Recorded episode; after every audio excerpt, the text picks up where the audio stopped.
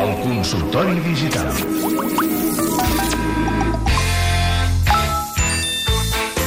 Obrim edició de butxaca del consultori digital dubtes i problemes relacionats amb l'univers tecnològic que avui intentem resoldre amb Mariola Dinarès, Hola. Albert Murillo, Bon dia. Albert Cuesta Bon dia tingueu. i en comissió de serveis, perquè sempre n'hi ha algun, Genís Roca. Esteu tots bé? Molt, Sí. sí, contents de veure-us i de que sentir-vos i tot això. I estem aquí meravellosament obrint línies amb els oients. Envia'ns un correu electrònic a matí arroba catradio.cat. Deixa el teu missatge a facebook.com barra el matí de Catalunya Ràdio o a twitter.com barra matí catradio. O fes una nota de veu al telèfon 607 07 09 23. Repetim, 607 07 09 23. Telèfon del directe, 93 201 7474, amb l'Elisabet Espunya esperant les vostres consultes. Obrim línies immediatament. Primera consulta. Hola, sóc la Pili i veig que Google ha començat a vendre aquí els seus altaveus intel·ligents. Em podeu explicar la diferència entre els dos models? I, sobretot, quina diferència hi ha en fer servir directament el mòbil? A veure, Albert Cuesta, és a dir, parents de l'Alexa, Parents de la teva amiga Alexa, que també... De la que qual brilla també... per la seva absència en aquesta secció. Hi ha notícies eh, de l'Alexa, però Sí? després t'ho explico. Però ara contestem primer la Pili. Uh, efectivament, Google ha començat a vendre els altaveus intel·ligents. Sembla que la Mariola en va tenir un l'altre dia Sí, al el Google pop-up. Home Mini. Sí, es diuen Google Home. Uh, la diferència entre els dos és la qualitat de l'altaveu. O sigui, amb el Google Home Grons, que em sembla que costa 150 euros... 59, Sí, crec. 150 euros, 160 euros, pots escoltar música amb una qualitat, diguem-ne, acceptable, tot i que aquests altaveus no Tot són i mai... que els estàndards d'Albert Cuesta són superiors a la de la mitjana de la humanitat. Bueno, en fi, jo ja saps que distingeixo entre sentir música i Home, escoltar-la. Ah, estic contenta perquè m'he comprat uns altaveus i diu que ell també els té. Per tant, se senten bé. Al pati. Al pati perquè són els únics que són impermeables. Va, Bueno, les llavors, funcions d'un majordom digital. A l'altre Google Home eh, és el petitet, el que tenia la Mariola l'altre dia, aquest que costa un poc menys de 50 euros, i aquest només serveix per parlar-li i escoltar el que et diu. Una mica com el eh, Amazon Echo Dot, aquell que et vaig portar Sí, un dia, sí. que aquell que t'agrada tenir que ens, sempre ens retreus que no et portem. Exacte. La, la segona pregunta que ens fa la Pili és més interessant encara, perquè diferència amb el mòbil? Eh, doncs cap, perquè en realitat aquests altaveus el que són són comandaments a distància per veu dels majordoms digitals tipus Siri, eh, Google Assistant en aquest cas, o Alexa, que també hi podem accedir a través del mòbil. Per exemple, d'aquí no gaire hi podem accedir a través del cotxe. Seat ja té una interfície preparada per l'Alexa de- per l'Alexa d'Amazon. Um, això, serveixen bàsicament per interactuar. El, el que passa és que sembla que si en tens una casa posat a sobre del, del marbre de la cuina, doncs et resulta més fàcil dir-li Alexa, quin temps farà avui? O quin, què ets de fer? Uh, quin, què tinc avui a l'agenda? Però Tintoreria, Sí. no? Home, l'altre dia que anàvem parlant, sembla Fruita. que sigui una, una tonteria, però jo crec que quan evolucioni, perquè ara és bastant limitat, però que quan evolucionis, per exemple, si tens els llums de, les, de la casa, clar, quan ho comences a connectar potser sí que té més sentit, però per demanar-li una cançó... Exacte. Eh, De fet, és que està comprovat. La majoria de la gent que té un altaveu, i als Estats Units em sembla que és a una de cada tres cases ja n'hi ha un, l'única cosa que fa és demanar-li coses d'aquest estil. Quin temps farà, quan trigarem a arribar a la feina, etc etc. Però la gràcia, com diu la Mariola, és fer-lo servir de comandament dels electrodomèstics connectats. I aquí entra un altre problema, que no tots els electrodomèstics connectats són compatibles amb tots els altaveus intel·ligents. Uh -huh. o sigui, amb Alexa pots controlar uns, amb Google Home en pots controlar uns altres, i, i han començat a sortir eh, traductors. O sigui, aparells que es connecten amb eh, Google Assistant i amb Alexa i amb Siri, i tu parles amb ells i ells li diuen a Siri o a Alexa o a Google què és el que de. Col·laboren. És una Sí, és cooperativa. una cooperativa, Però exacte. són, una són cooperativa gadgets, també, o, o és software? no, o es parlen entre elles. Però és programari o, Estan o és... amics. Les, és, un, un, és un software, és una, és una aplicació. És allò de eh, consulta. Saps quan entres a un web Sí. i surt consulta? Doncs llavors l'Alexa li consulta a Google. Molt bé. Mm. Di, di, di, di, di. Però, Siri li Mònica, li vaig preguntar quan parlaria català i diu que encara n'està aprenent. No, val. Eh, doncs escolta, el David Trueba va bastant No. més ràpid que ella, eh? No van, Perquè el eh? David Trueba ha fet tota l'entrevista en català. Ho heu posat i no sabia qui era i, i jo pensava que era algú català, realment. D'això del Bueno, català brutal, ja, ja eh? us en podeu oblidar amb els tres casos, amb el cas de Google Assistant, amb el cas d'Alexa i amb el cas de Siri. Pues, Uh, I això jo crec que hauria de ser un problema per a aquestes empreses comercialment a Catalunya, perquè jo, francament, no em veig parlant-li amb el meu altaveu en un altre idioma que no sigui el que faig servir. Ponme en el calendario, no sé Sí, què. i amb el cotxe, perquè... És que no, depèn de com no et surt de natural i aleshores ho fas malament i aleshores... Mm. No t'entén. Do, dos, Deixeu-me dir dues coses més. Jo li vull Una- parlar com a la família, no? Exacte. De fet, diuen... Mira, l'altre dia, això em va bé que ho diguis, perquè l'altre dia vaig llegir un article d'un especialista en intel·ligència artificial que deia que el, la intel·ligència artificial en aquests moments està eh, a l'edat... Com, com un, respon com un nen de 10 anys. O sigui, fa les coses com les faria un nen de 10 anys. I que el que es tracta és de... eh, Això millorarà quan la intel·ligència artificial mm, respongui com un adult. Jo no sé si millorarà o no, perquè els nens a vegades són millors. Que- I tant, anava a dir ara. una, difere- una, una, una última resposta per la Pili. Hi ha una diferència del Google Home amb el, amb el Google Assistant que té el mòbil, que és que el Google Home, l'aparell, és capaç de distingir entre fins a sis membres de la família. Perquè si tu li demanes què haig de fer avui, no et digui el que ha de fer la teva dona, diguéssim. Ja, Alguna cosa. ja, menys mal que no són quatre. Escolta, anem a...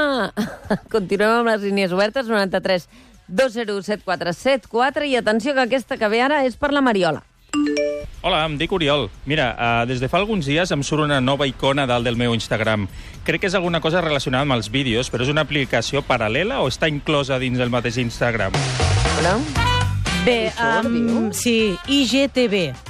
A dalt, eh? Una, que és una televisió, que ja et diu moltes coses del que és. Bé, estem, diríem, en una plena guerra dels vídeos de les aplicacions. Aquesta icona és del de, el nou canal de vídeos d'Instagram, té 5 dies de vida. Ah, sí. És una nova plataforma de vídeos verticals de fins a una hora de durada, eh? és a dir, vídeos gravats en vertical, no horitzontal i d'una hora de durada. De fet, es pot obtenir de dues maneres, descarregant l'aplicació IGTV de forma gratuïta des de la botiga d'Android, Google Play o per iOS des d'Apple Store. Un cop instal·lada pots iniciar sessió amb la compte que ja tens d'Instagram o crear-ne una de nova i a partir d'aquí ja podràs veure els vídeos que han penjat els teus contactes. O també accedint directament des d'Instagram en aquesta icona que ja et surt, s'ha de tenir l'última actualització de la xarxa social i l'icona apareix sobre en forma de televisor. Opcions. Eh, després et diu, quan entres un, en el IGTV, hi ha les opcions per a tu, continguts recomanats, que et recomana d'aquests vídeos verticals, seguits, vídeos d'amics i contactes que tu ja segueixes, T'ensenyen a fer truites de patates. els més populars i continuar mirant. I si vols pujar un vídeo, atenció, has de crear un canal, eh, molt semblant a YouTube. És a dir, que no perquè tinguis una compte d'Instagram pots pujar un vídeo d'una hora. Has d'anar a configuració, la part dreta de la pantalla, opció crear canal i aleshores se sincronitza amb el teu perfil d'Instagram. I un apunt, no es poden gravar vídeos directament des de IGTV, ho has de fer amb el teu mòbil o dispositiu i després accedir a la galeria per pujar-lo. És obligatori posar títol i descripció i màxim de 3,6 gigas. Ja. És una clara novetat per competir amb YouTube. Paral·lelament, YouTube Sí, ha estrenat eh? el YouTube Music, que ja ho va explicar l'altre dia a l'Albert, per fer competència directa a Spotify. És a dir, que ara és, tothom s'està fent El senyor la Vermut, competència. amb el, el tema senyor musical. Vermut ens ensenya a fer patates braves. Això són els vídeos que veus tu, no? De, el que em surt a mi ara la Shakira, em surt. Perquè cadascú veu el que segueix. No, mica, jo no o segueixo tot això, cabronas. No, no, perquè també hi ha els més populars, hi ha com les tendències Ah. de, No segueixo res de tot això. de a les, a YouTube. les històries, i em surt gent que no segueixo i que no penso seguir. Escolta, uh, Mònica, tu que... Cocina con Corina. Has estat molt de temps a la televisió demanant els vídeos en horitzontal. Sí. Això és una guerra, eh? Això és en vertical. És una guerra, perquè, per- clar... Jo crec que l'hem perdut ja, aquesta guerra amb Perquè això. ara són... Bueno, perquè el mòbil ara ho domina tot. Però hi ha, hi ha molta gent que, clar, no, que diu però per què encara envieu a la tele coses en vertical? I no saben que és la revolució de la gent més jove que té mòbil que va en contra de la tele, no? No per gira, això els no envia gira en el vertical. Exacte. Alexa, posa'm els vídeos Va. en horitzontal. per cert, Alexa, no, no t'ho he dit, uh, uh, però no sé si a- abans de final d'aquesta temporada, Sí? però Alexa parlarà espanyol. Ah, Sí, o sigui, la setmana passada Amazon va obrir la possibilitat de fer aplicacions jo en flipo espanyol. que, Alex, que, que l'Alex encara no parli en espanyol, eh? Milions de parlants que hi ha, no ho entenc. Sí, però mm, Una poca visió Serà el segon o el tercer? El xinès ha estat al entremig? No parlen sé. amb... Alexa parla en En anglès, anglès? en alemany. Ah. Amb alemany Oh! hi ha molts més parlants d'espanyol que d'alemany. Sí. És ben bé que... que, que, si no, que... si no tinc power, si no tinc, power mal, thing. si no tinc mal entès, l'estructura ling- em, sintàctica de l'alemany és més semblant a la de l'anglès, i quan van fer l'anglès, que era el seu Ja. idioma, llavors els hi va ser més fàcil fer l'alemany. Hauríem d'haver tingut declinacions nosaltres. Atenció, Murillo, que va per tu. Hola, sóc el Francesc i el meu fill juga al Fortnite moltes hores. De fet, juga a través de la PlayStation i no li costa res instal·lar el joc. On està el negoci d'aquest joc? I què vol dir que em demani una cosa que se'n diu passe de batalla, que costa 10 euros? No entenc. Sí, a Fortnite. res. Eh, segur que, que molta gent que ens escolta eh, saben que el seu fill o filla juga al Fortnite, un joc que té un model de negoci que, de fet, eh, és un videojoc que és un monstre i que està marcant molt la indústria del videojoc. Efectivament, és gratuït, això ha fet que molta gent estigui jugant a aquest joc, però eh, el tema és que mentre vas jugant vas aconseguint recompenses. Eh, aquests sorollets que estem escoltant és, són, són del, del joc. I hi ha un moment que el teu fill et diu vull el passe de batalla, perquè no puc jugar. No. Si, si el vostre mm, fill us diu això, Passe de batalla? Sí, podeu dir, no, mm, tal, Albert, pots jugar tranquil·lament sense comprar el passe de batalla. Què passa amb el passe què de és el batalla? passe de batalla? Costa 10 euros i el que fa és donar-te una sèrie d'objectes, skin, roba, etc. Però no et dona més hores de joc? No, eh, el, el tema és que eh, tu, si vols aconseguir tot el que et dona aquest passe de batalla, has d'estar 100 hores aproximadament jugant. Mare Per passar-te més, Eh, no? I després et dona una capa. Sí. I, una, i una carat, i un, Exacte, i un moltes- barret. I moltes, molts, molts barrets, I un moltes ball. capes, etc perquè de la gràcia d'aquest joc és personalitzar-ho. Eh? És com el FIFA, també, no? Una miqueta. Uh, jo ara recomano molt que si teniu la Nintendo Switch, um, ha aparegut aquest joc, també gratuït, però la Nintendo Switch té uh, un tema de gestió de parental molt més potent que no pas uh, la PlayStation o el PC. És uh, força, depenent de l'edat que tingui el nen, és força recomanable que jugui amb aquesta consola. I l'altre dia, comentant amb el Xavi Carrillo, que és de Digital Legends, uh, el per què d'aquest joc que tingui tant èxit i el per què molts nens es senten molt frustrats jugant a aquest joc. Jo ho veig amb el meu fill petit, i és que tu, quan et maten, mm, ja està, desapareixes de la partida. Els jocs, eh, ell em deia, diu, els jocs d'aquest tipus fan que frustri molt el nen, i hi ha d'altres que quan tu mors reapareixes en un altre lloc. Això fa que el nen no es frustri tant. Seria bo saber eh, el joc que juga el teu fill si quan mors apareixes en un altre lloc o realment desapareixes de la partida. Ara ens en faràs 5 cèntims del Game Lab, Albert Sí. Murillo, perquè comença ja això, no demà. De, sí, sí, comença demà. Nosaltres fem el programa Generació Digital el dijous a les 6 de la tarda, que es podrà escoltar per catradio.cat. I, eh, mira, estic molt content que per, perquè parlarem, per mi, amb, uns, un dels ponents més importants, que és amb el director del Departament de Realitat Virtual de la Creu Roja. I parlarem amb ell com aquesta institució fa servir la realitat virtual i els videojocs per eh, doncs, eh, fer que funcioni una mica millor en els Serious nens. Games, no sí, es sí, diuen? Sí, ah, sí? Mm. Tinc moltes ganes. Estic veient pel canal 324 Notícies a Pablo Iglesias, que ha estat de visita a Soto del Real, veient a Jordi Sánchez i a Jordi Cuixart. Ahir va ser aquí, va dir que aniria a veure els presos i hi ha anat avui mateix. Uh, ha anat ja a les presons a veure els uh, presos independentistes i en aquests moments uh, en tenim la prova perquè n'hi ha imatges, coses que estan passant en directe. I coses que estan passant en directe és que també la Sílvia ens envia un missatge i diu, atenció, l'altre dia el meu fill de 7 anys li va preguntar a Siri, can you show me your bottom? Em pots ensenyar el cul? El fill de 7 anys li pregunta a Siri si li pot ensenyar el cul. I la Siri li contesta, I'm not going to honor this question with an answer. No penso fer honor en aquesta pregunta amb una resposta. I he pensat, diu la mare, quan crec que heu dit que, que és com si tingués una certa edat. És a dir, que li respon, eh, diguéssim... Bueno, no li hagués ensenyat Com- el cul, en qualsevol cas, no? No, Bien. són com unes, unes respostes base, eh? Sí, que mai ja s'acaben de mullar del tot. clar, dir que- però, però no... Però si tu li demanes, ensenya'm culs, se'n va a... No, Mira. està, No, està, no està, està ho molt controla. editat. Ara, ara veure. m'has fet venir això del cul... ¿Quieres enseñarme culos? No sé qué quieres decir con. No, no. no, no Escolta, aquesta rebella vaig penjar un cul d'un meu amic Sí. a Facebook i a Instagram. Facebook Home, me'l va el- censurar. Instagram no. Sí, sí, el vaig veure. Vas veure? Sí, i tant. Però vaig fer una prova. Què dius que vas fer? a veure, Mariola, Va dinaré. ser una prova empírica. Una prova del pop-up? Aquesta és una Sí, activitat... Jo vaig fer una prova i li vaig dir, escolta, tu que estàs aquí cuinant amb el davantal, et pots treure el banyador, se'l va treure, vaig fer una foto al cul. No, però la vaig... A Facebook no me la va Sí, deixar però hi ha penjar. maneres menys rocambolesques de lligar. No, era un, era un amic, era un molt amic. Però eh, Instagram no m'ho va censurar. Llavors he parlat amb diverses persones, diuen que és veritat, que Facebook està molt més estricte amb coses Bueno. d'aquestes que no pas Instagram. Home, perquè Facebook li ha, li ha tocat el rebre. Ja veuràs quan li arriba Però és la mateixa Instagram. empresa. Ara, eh? ara, ara és tot això, plan, ara Instagram d'aquí no gaire tot això ho decidiran a la Torre Agbar, per cert. És veritat, no? Sí. I això va endavant, Albert Sí, Cuesta? sí. Vaja, mm, surt a totes les llistes de, de diaris d'empreses tecnològiques que instal·len. Sobre això que deies de Siri i els nens, us recomano molt que recupereu un article de fa un parell d'anys del New York Times amb el qual una mare explicava que Siri li havia salvat la vida Mhm. perquè té un fill autista i eh, Siri no es cansava mai de eh, dialogar amb el seu fill. I això per ella era fantàstic, perquè li, li, li, li resolia molts problemes. O sigui, el, el nano estava entretingut, aprenia coses, i per ella, no, i per ella eh, doncs era un... No, no representava tant Esforç. de desgast Exacte. emocional, diguéssim.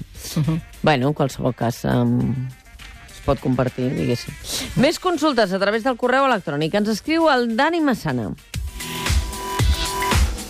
Diu en Dani, la setmana passada vaig tenir l'oportunitat d'assistir a una conferència de Richard Stallman, que el vam entrevistar aquí al Matí de Catalunya Ràdio, si no m'equivoco, la primera temporada, un programador conegut com el Messies del software lliure. I escoltant-lo, que aquesta és una sensació i un dubte que també ens va quedar a nosaltres, diu ell, no sé si és un farsant que ven fum o ens hem de prendre seriosament. Què me'n podeu dir d'aquest home que sentirem ara? Primero, unas peticiones para ustedes. Si sacas fotos, fotos de mí, no las pongas en Facebook. Ni sus otros tentáculos, Instagram y WhatsApp. Esa empresa es un motor de seguimiento a la gente y de husmeo. Ah, usa a sus usados porque no tiene a usuarios sino a usados.